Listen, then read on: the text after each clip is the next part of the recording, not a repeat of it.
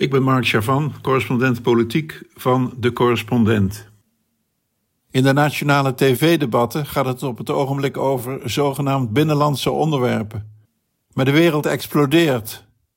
Daarom schreef ik een politiek dagboek over de onveiligheid, oorlogen en het ontbrekend besef dat Nederland en Europa zichzelf niet kunnen verdedigen. Het tv-debat tussen de nummers twee van een aantal grotere partijen 5 november op WNL op zondag was een gunstige uitzondering. Het had 10 minuten ingeruimd voor defensie. Een goed idee nu het Midden-Oosten weer is geëxplodeerd en Oekraïne ook onze oorlog dreigt te verliezen.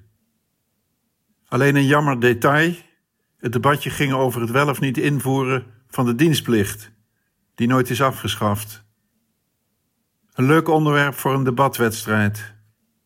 Niet alleen gaat het voorbij aan de sterk technologische ontwikkeling van de moderne oorlogvoering, waarin dienstplichtigen zich niet snel genoeg nuttig kunnen maken. Het thema negeert ook de realiteit dat Vladimir Poetin aan de poorten van de NAVO en de Europese Unie rammelt en dat Xi Jinping niet tevreden is met wat China nu al heeft.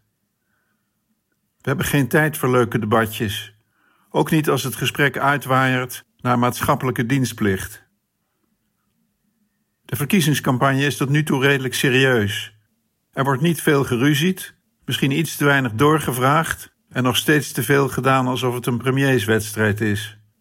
Maar het gaat in de grote, nationaal uitgezonden debatten bijna uitsluitend over zogenaamde binnenlandse onderwerpen. Denk aan wonen, bestaanszekerheid en bestuurscultuur.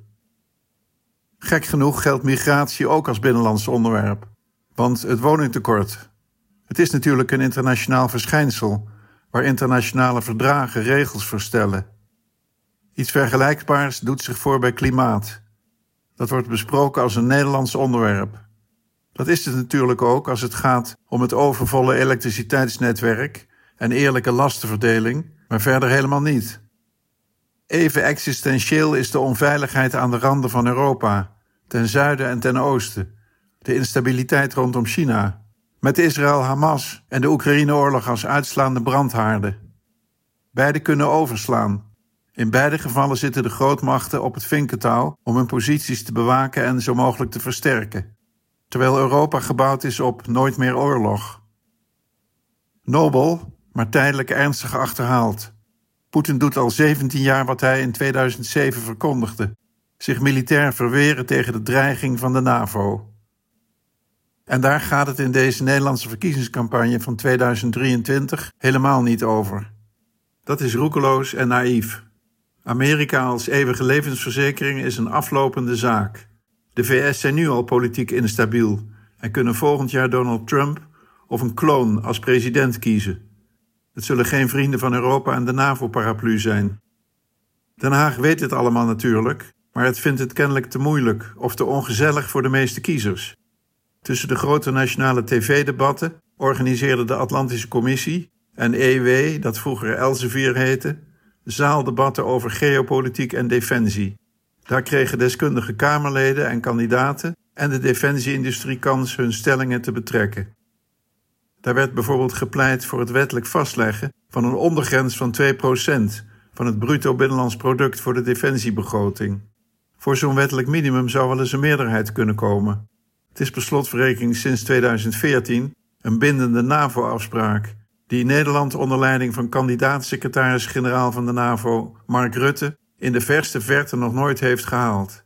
Dirk Boswijk van het CDA zei zelfs dat Nederland op den duur naar 4,5% van het bruto binnenlands product zal moeten. Meer dan een verdubbeling van de huidige defensiebegroting. Die begroting voor 2024 komt zelfs nu niet aan 2%. Het scheelt weinig, maar het wordt minder na 2025.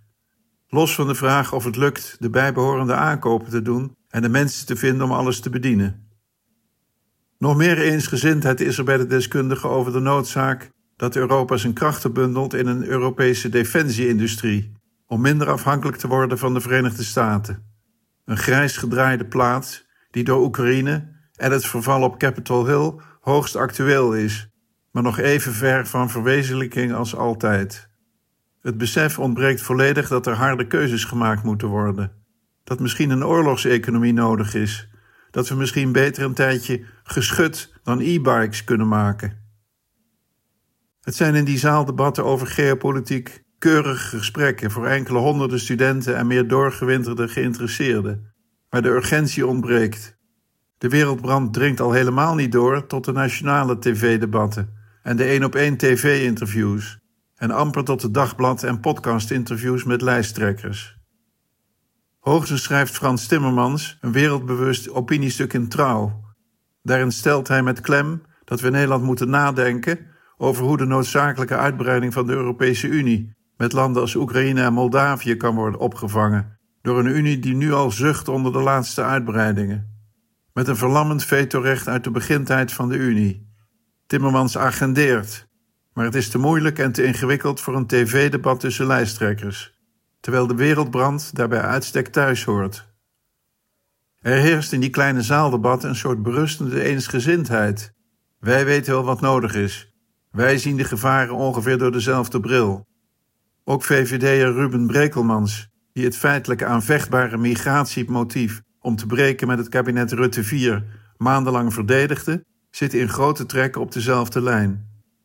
De VVD, die met CDA en PVV in 2010 de krijgsmacht de nekslag toebracht, wil nu serieus investeren. Maar ook de deskundigen in die zaaltjes benoemen niet de immense achterstanden bij de Nederlandse defensie, met 8000 vacatures, en het feit dat het met de reparatie van de ergste gaten, geslagen door jaren bezuinigingen, niet erg opschiet. Nederland en België delen bijvoorbeeld een halve marine.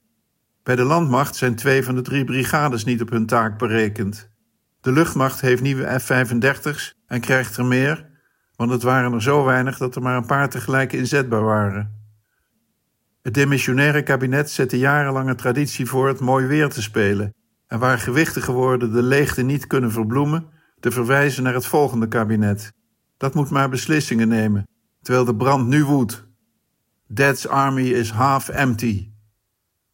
Minister Ollongren schreef de Tweede Kamer eind september dat de Duitse landmacht heel goed bezig is in Noord-Europa en dat Nederland graag gaten in Midden-Europa opvult, maar zal aandringen op, ik citeer, realistische invulling van de nieuwe plannen en een gefaseerde implementatie. Dat is defensiejargon voor minder en langzamer doen dan je hebt afgesproken. Om vervolgens het vingertje te heffen naar de bondgenoten. Die moeten, ik citeer opnieuw, daadwerkelijk voldoende militaire capaciteiten beschikbaar stellen om uitvoering te kunnen geven aan de plannen. Einde citaat. Hoe durf je, als je zelf als land nog nooit hebt voldaan aan de gemaakte afspraken en ook geen materieel, mensen en plannen hebt om dat te gaan doen? Is het verwijtbare naïviteit of zelfbegoocheling? Terwijl de oorlog aan de rand van Europa al bijna twee jaar woedt, met honderdduizenden doden en gewonden, en niet de goede kant op gaat, doordat de Oekraïners opraken, doordat Poetin niet geeft om mensenlevens en onbeperkte middelen kan onttrekken aan de economie van zijn land, en Oekraïne te laat, te weinig steun krijgt van Europa en de Verenigde Staten. De urgentie ontbreekt zelfs binnen het ministerie van Defensie. Dat droomt met zijn hoofd in de cyberoorlog en de drones, terwijl Oekraïne ervaart dat het eigen grondgebied zonder tanks bijna niet te verdedigen is tegen een vijand die zich ingraaft en de oorlogen van de vorige eeuw deels nabootst.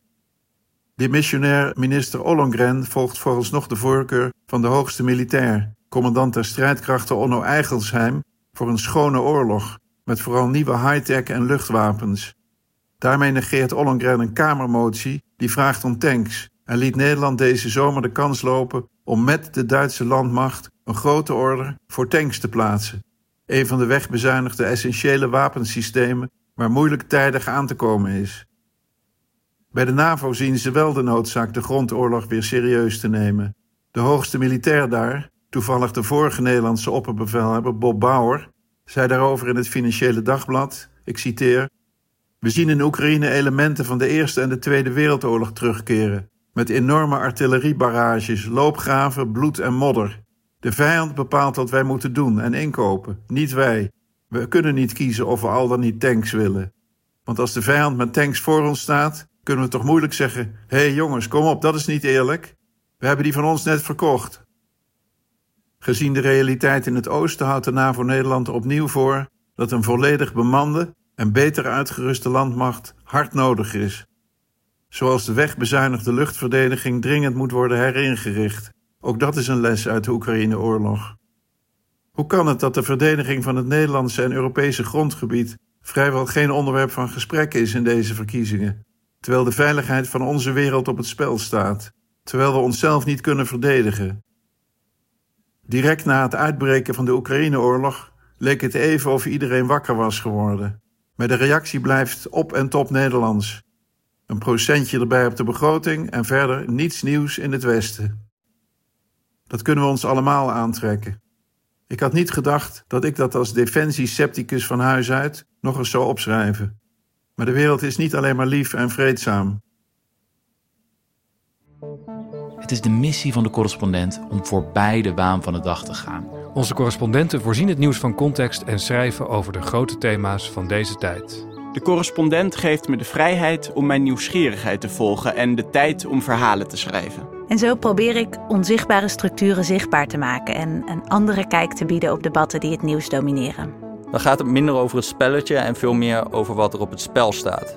Vanaf dag 1 zijn onze artikelen, boeken en podcasts gefinancierd door onze leden. Volg ons op onze journalistieke zoektocht. Overweeg eens lid te worden van de correspondent. En maak daarmee samen met ruim 70.000 anderen onze onafhankelijke journalistiek mogelijk. Dus word lid van de correspondent. Ja. Word lid. Word lid.